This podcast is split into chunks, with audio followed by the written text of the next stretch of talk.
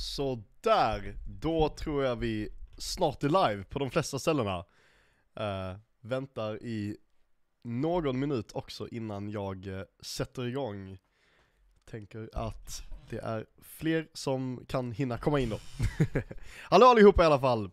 Hej hej hej, jag kommer köra ensam idag. Vanligtvis brukar ju Linus vara med när vi kör sådana här lives med Distansakademin och, eh, eller ja, han är borta idag så det är bara jag. Och eh, ni som är inne på TikTok, jag streamar också nu på YouTube, Facebook, LinkedIn och Twitch. Eh, så ni vet om jag eh, läser eh, någon annanstans, samma ni då, alla andra, vi streamar på många olika ställen. Så ni vet. ja, men jag tänker att jag kör igång helt enkelt. Jag hade idag tänkt prata om det som titeln är, alltså då Uh, vad, vad, heter den? Spelprinciper förenklade. så jag tänker alltså förklara olika typer av eh, spelkoncept eller spelprinciper och uh, på ett enkelt sätt förklara hur man gör det i spel. kan tänka mig att många har spelat dataspel och kanske funderat på, ah, hur funkar det här? Eh, och jag ska försöka förklara vissa sådana saker så, så gott jag kan. Och om ni har någonting ni vill veta då, någon, någon form av spelprincip, så skriv gärna det i chatten så kan jag se om jag hinner ta upp det också. Men jag har gjort en liten lista, så jag tänker att jag utgår från den. Så det första jag tänkte diskutera är då multiplayer och eh, hur man rör sig multiplayer och hur det funkar. Många spel är ju multiplayer-spel, alltså att man kan spela med kompisar och eh, spela med främlingar kanske. Och när man då gör ett multiplayer-spel så måste man i princip alltid ha en server. Och för den som inte vet vad en server är, så är en server i princip en mellanhand mellan alla som spelar spelet på sin dator. Man kan se det ungefär som en satellit, alltså, eller typ en telefonmast. Om man har två telefoner, och man ringer till en annan telefon, så kommer min telefon först kopplas upp mot telefonmasten, som sen i sin tur kommer skicka signalen till nästa telefon. Och det är precis det en server gör. Alltså, om jag till exempel rör mig i mitt spel, alltså på min dator, så skickar jag den informationen till servern, alltså som då säger ah, nu har Jakob gått ett steg framåt.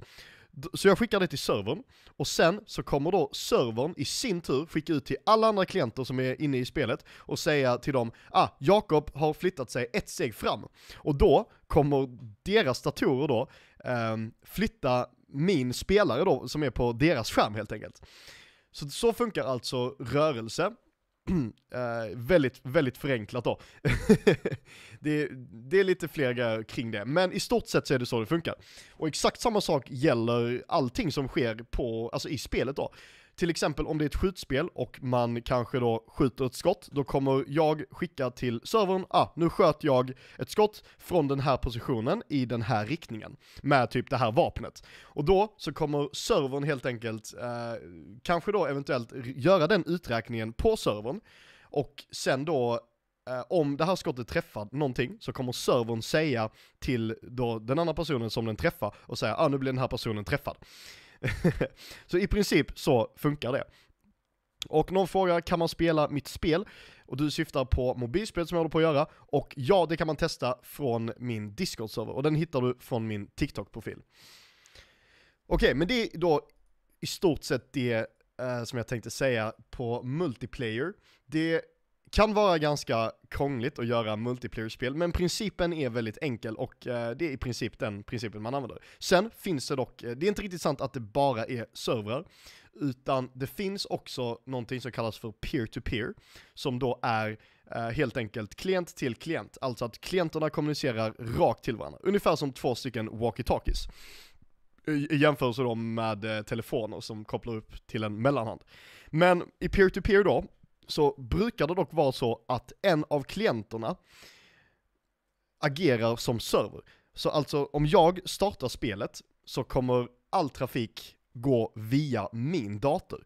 Så helt enkelt att min klient av spelet agerar som både klient och server. Och det här är egentligen inte riktigt peer-to-peer, man brukar kalla det för peer-to-peer, men egentligen är det inte riktigt peer-to-peer. Det finns peer-to-peer, alltså riktig peer-to-peer -peer också, men man använder väldigt sällan det nu för tiden. Skulle du kunna lägga till ett AR-vapen i ditt mobilspel? jag tror det blir väldigt svårt. det blir nog väldigt svårt att uh, få in det, men uh, vem vet. Uh, oj. Okej, okay, men det är då allting med multiplayer.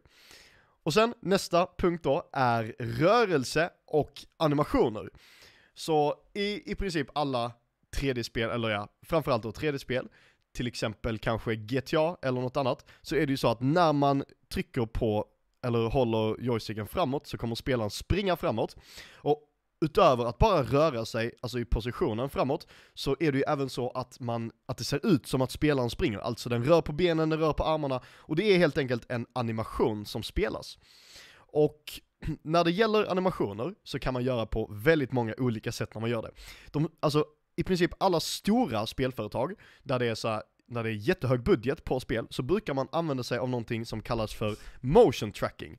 Och det är egentligen då att man sätter på sig en konstig dräkt, ser ut ungefär som en, eh, en eh, vad heter det, en våtdräkt eh, som man har när man dyker, med en massa prickar på sig typ. Och det den gör är att den kan i stort sett då spela in en persons rörelse i väldigt hög detalj, så att man sen kan lägga över det på en karaktär som man har modellerat i ett eh, program då, på datorn. Och det gör då att man kan få väldigt realistiska, eh, eller väldigt realistisk rörelse på spelare i eh, dataspel. Men det är inte alltid man har så hög budget så att man kan ha råd med eh, motion tracking suits och sånt. Men då så kan man också göra man anim anim mm, animationer manuellt i till exempel Blender där man modellerar. Så att man helt enkelt sätter någonting som kallas för keyframes. Alltså att man säger vid den här tidpunkten så ska det här benet kanske vara, ha den här rotationen och den här positionen. Och sen kommer den då automatiskt gå mellan alla sådana här keyframes och eh, göra det en jämn övergång. Så till exempel då är det i princip som att om man tar två bilder så kommer den, eh, ni vet såhär stop motion filmer och sånt, då är det att man tar en frame i taget, eller när man, eh, när man eh, tecknar filmer så ritar man ju varje frame manuellt. I princip är då keyframes att man ritar kanske då ett, bara ett visst antal frames och sen kommer den automatiskt då hitta vad som ska vara emellan de framesen. Så det är ett väldigt smidigt sätt som man, eh, eller när man då gör eh, animationer. Även sådana här motion tracking suits använder eh, keyframes. Men det är väl kanske lite mer relevant när det gäller att göra animationer från grunden. Men i alla fall, så att på det sättet det funkar då är att när man trycker på till exempel W för att gå framåt, så kommer man säga till spelet då att nu rör jag mig framåt och då så ska vi spela springanimationen. Och då kommer spelaren helt enkelt börja springa och sen gör den det tills jag slutar springa. För då märker den, ah nu släppte jag W och då stannar jag positionen då och jag börjar även spela upp animationen för att bara stå still helt enkelt. Och sen brukar det vara så smidigt att det finns verktyg som gör övergången mellan animationer jämn, så att det inte bara blir helt tvärt så stannar den. Eh, eventuellt också att man kan ha övergångsanimationer, så att eh, när man går från att stå still till att springa så spelas en viss animation, eh, och samma när man då går från att springa till att stå still. Och det gäller då i princip eller inte i princip, det gäller då alla animationer som man ser i spel. I princip så funkar det. Sen finns det dock väldigt smarta lösningar som eh, blir, används mer och mer i återigen väldigt stora produktioner, när man då använder AI för att eh, göra rörelsen jämn då så att säga. Och då har man alltså tränat AI med hjälp av jättemånga olika eh, sådana här klipp som jag berättade tidigare när man har eh, capturat eh, rörelse från en eh, människa. Och sen använder man då det och eh, helt enkelt pusslar ihop det här utifrån ens, alltså inputen som, eh, som man ger när man spelar spelet. Så pusslar man ihop det så det blir en, eh, en jämn animation då. Eh, och det kan bli riktigt coola grejer. och eh, sådana här tekniker använder då i princip alla sådana extremt stora produktioner, till exempel GTA eller Red Dead Redemption 2. Så det är då det jag tänkte säga om rörelse och animationer. Sen har vi login-system. På många spel så är det ju så att man behöver skapa ett konto och eh, logga in på sitt konto för att sen kunna spara till exempel progress eller inventory eller sådana saker. Och då använder man sig av databaser, och en databas är i stort sett då en lång, lång lista med eh, olika, eh, olika värden som man kan ha i den. Så till exempel då kan man ha en databas bestående av eh, eller då att man har olika rader i den, där varje rad består av då till exempel ett användarnamn, ett lösenord, kanske då eh, ett inventory och sådana grejer. Så då kan man på det sättet då spara vad man vill på en spelare. Och sen från då spelet så gör man ju helt enkelt bara så att man, när man då ska logga in så så skriver man i sitt användarnamn och sitt lösenord. Sen så skickar man det till servern. Man kan då använda sig av att, göra, att, att man gör en web request, som då basically är att man skickar data till servern och eh, får tillbaka ett svar.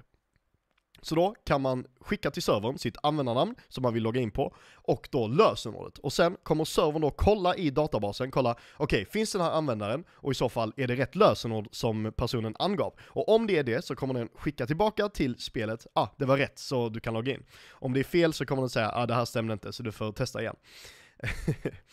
så eh, då kan man då logga in på det sättet, vilket kan vara väldigt smidigt eftersom att man kan lagra en massa saker på en spelare. Utöver, eller även så här till, till exempel vänner och sånt måste man ju då ha inloggningssystem för att kunna ha. Okej, okay, så nästa punkt är eh, explosioner och eh, andra effekter. För i väldigt många spel så är det ju visuella effekter, till exempel då att eh, man kanske spränger någonting och då ska det explodera och då ska det ju typ komma eld och sådana grejer. Men hur funkar då egentligen det? Um, man kan ju tänka sig att det hade varit typ en video som spelas upp på skärmen, men det är väldigt sällan det. Eventuellt i 2D-spel, att det är mer på det sättet, men i 3D-spel blir det lite mer komplext. Men det man brukar göra då, eh, väldigt förenklat återigen, är att man först skapar typ små bilder av till exempel en låga eller ett eh, eldmoln typ, som är en liten, alltså typ en liten prick liksom. Och sen när man då, eh, när någonting då ska explodera, så skapar man jätte, jätte, jättemånga eh, sådana här bilder och placerar ut på samma ställe. Och sen så säger man då till dem att de ska åka från den här punkten som explosionen ska ske i. Och det kommer då leda till att de här små eldlågorna typ, eller vad man ska kalla det, kommer spridas ut eh, från en punkt då, så att det blir som en explosion. Och sen kan man också lägga till olika partiklar där, till exempel rök, och då typ eh, eldmoln och sådana grejer. Så att det blir, eh, så att det sprids ut. Och sen även väldigt mycket ljus i den så att det liksom lyser upp på hela skärmen. Och det gäller även, eh, även rök, det gör man på samma sätt. Man gör en liten, en liten rökpartikel och sen skapar man väldigt många av dem som då eh, fortsätter spridas ut och sen rör sig kanske lite slumpmässigt för att ge det lite ytterligare effekt.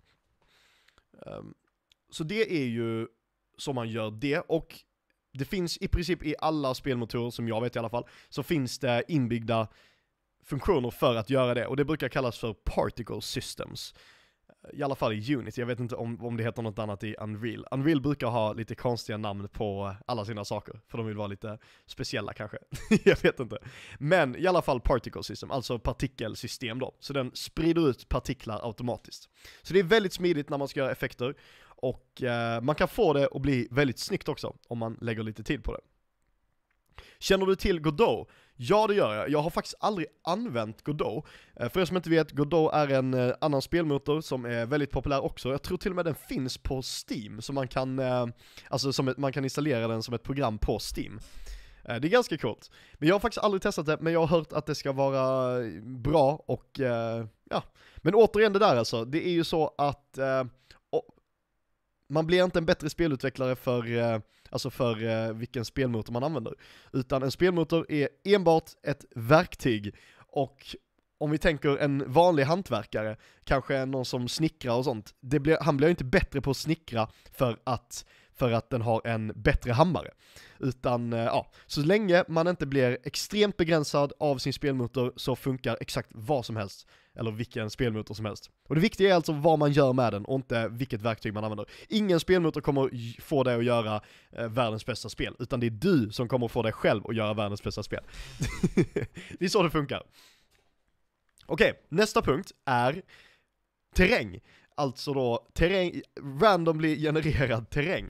Till exempel då från Minecraft är väl det jag främst tänker ta upp då.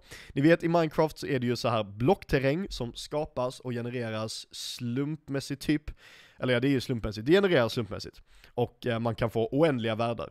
Och det brukar man kalla för eh, procedural terräng.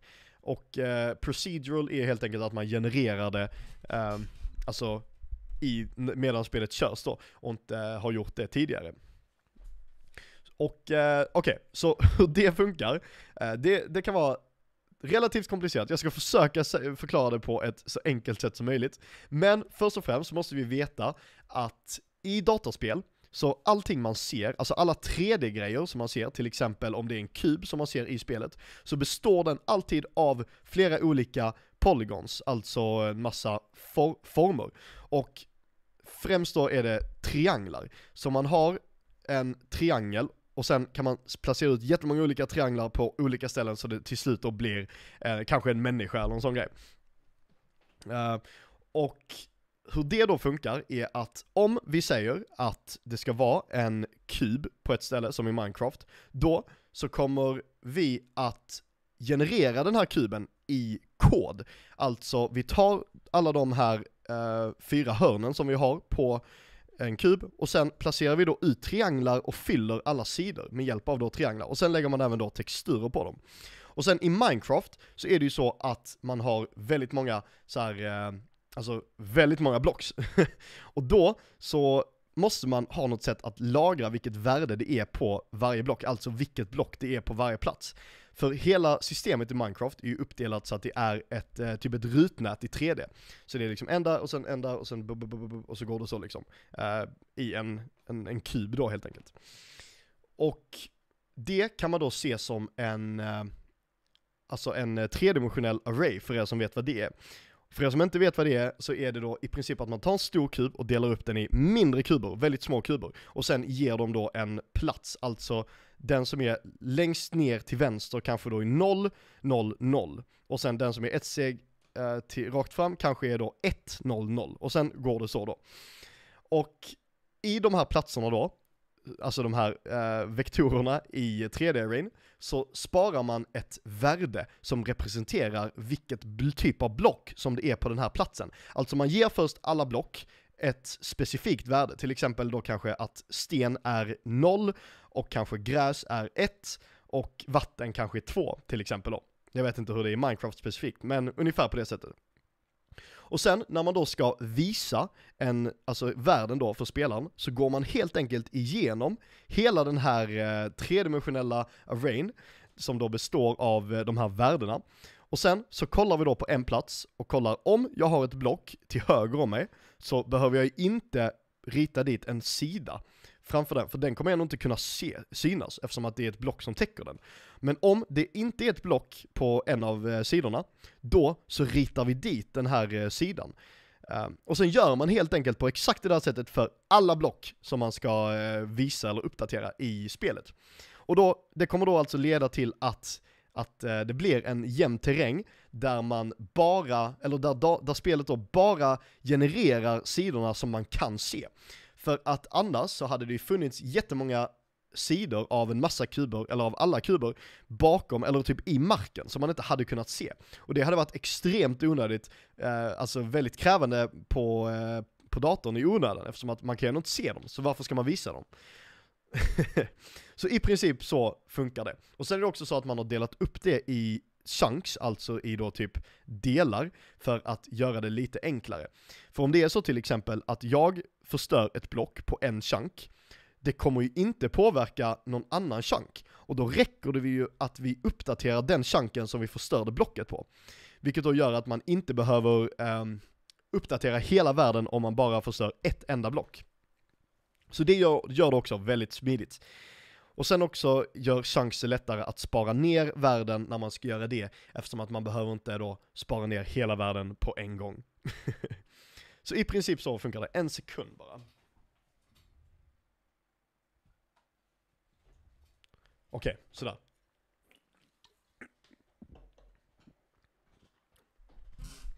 Jag ska se om jag har fått någon fråga här också. Um, Okej, okay. Någon frågar, vill du spela mitt spel? Jag spelar jättegärna ditt spel. Eh, du kan skicka det i Distansakademins Discord-server. För där så finns det en kanal som heter spelutveckling. Och om du inte är med i Distansakademins Discord-server så tycker jag du ska gå med där, för det är väldigt trevligt där. Det finns jättemycket folk som kan hjälpa dig med programmering och spelutveckling och sådana grejer. Eh, och du hittar länken till den Discord-servern i min profil. Så tryck på min profil i TikTok, och sen kan du trycka på eh, länken, och sen trycka dig vidare till Distansakademins Discord-server. Så kan du skicka ditt spel där, så kan jag testa det och spela det och säga vad jag tycker. Så spelar jag din beta, du går med i min Discord-server, Stripe Panda Discord-servern, som du hittar eh, också i min profil.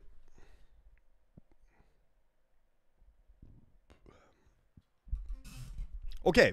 men det var ju då alltså terräng va? Så nu så ska vi prata om att spara och ladda sin värld. Alltså, i spel så brukar det vara så att, eller nästan alltid då, att man kan spara när man har eh, gjort någonting och sen när man, kan man stänga av spelet och gå in i spelet igen och sen ladda och komma till samma ställe där man var till exempel. Och principen för, oh, vänta, en sekund. Okej, okay, så principen för att spara i spel och ladda är väldigt enkel. Det kan dock bli ganska kom, kom, eh, komplext, men i princip så är det bara så att när man sparar eh, sin värld då till exempel i ett spel, så kommer man skapa en fil på sin dator, som då kanske heter kanske save data typ. Och i den filen så kommer man då i, i princip eh, skriva, skriva i den eh, vad de olika eh, värdena i sin save är. Till exempel då, så hade man kunnat göra det med hjälp av en textfil, alltså en sån som man kan skapa på sin dator, .txt. Och i den filen så hade man bara kunnat skriva då till exempel position är lika med, och sen skriver man vilken position det är på spelaren, och sen kanske level är lika med, och sen skriver man vilken level man har.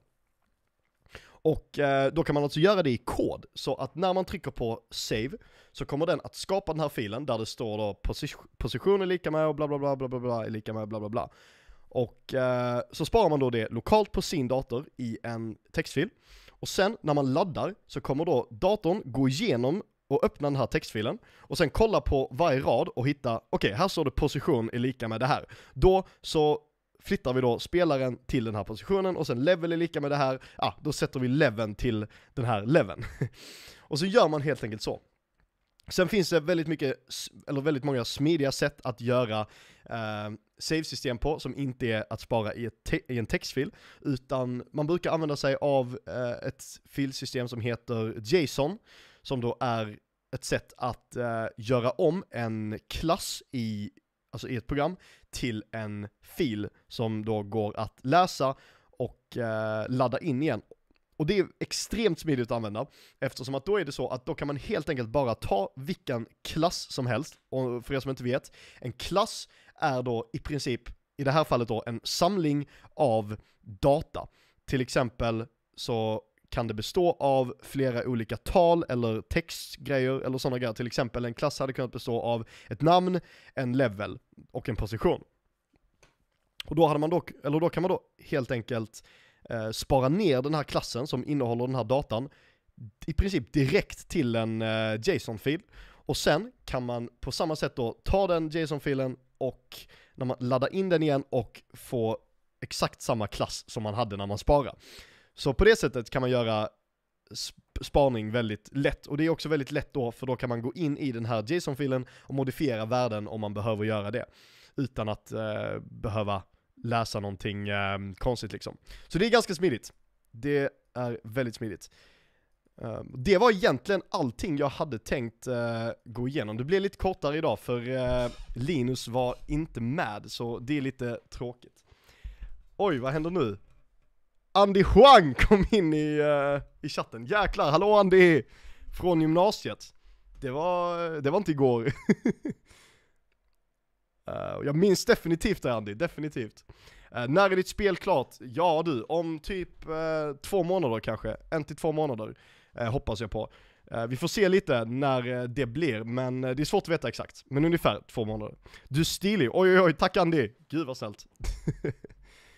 Eh, men ja, så det var i alla fall allting jag eh, tänkte prata om idag.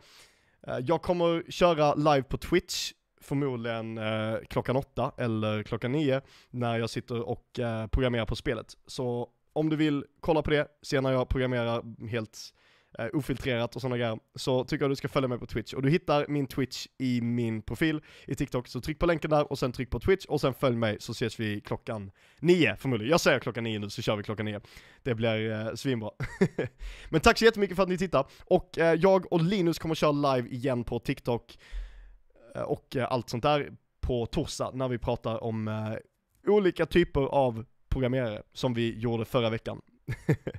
Men tack så mycket för att ni tittar och vi ses på torsdag, eller på Twitch.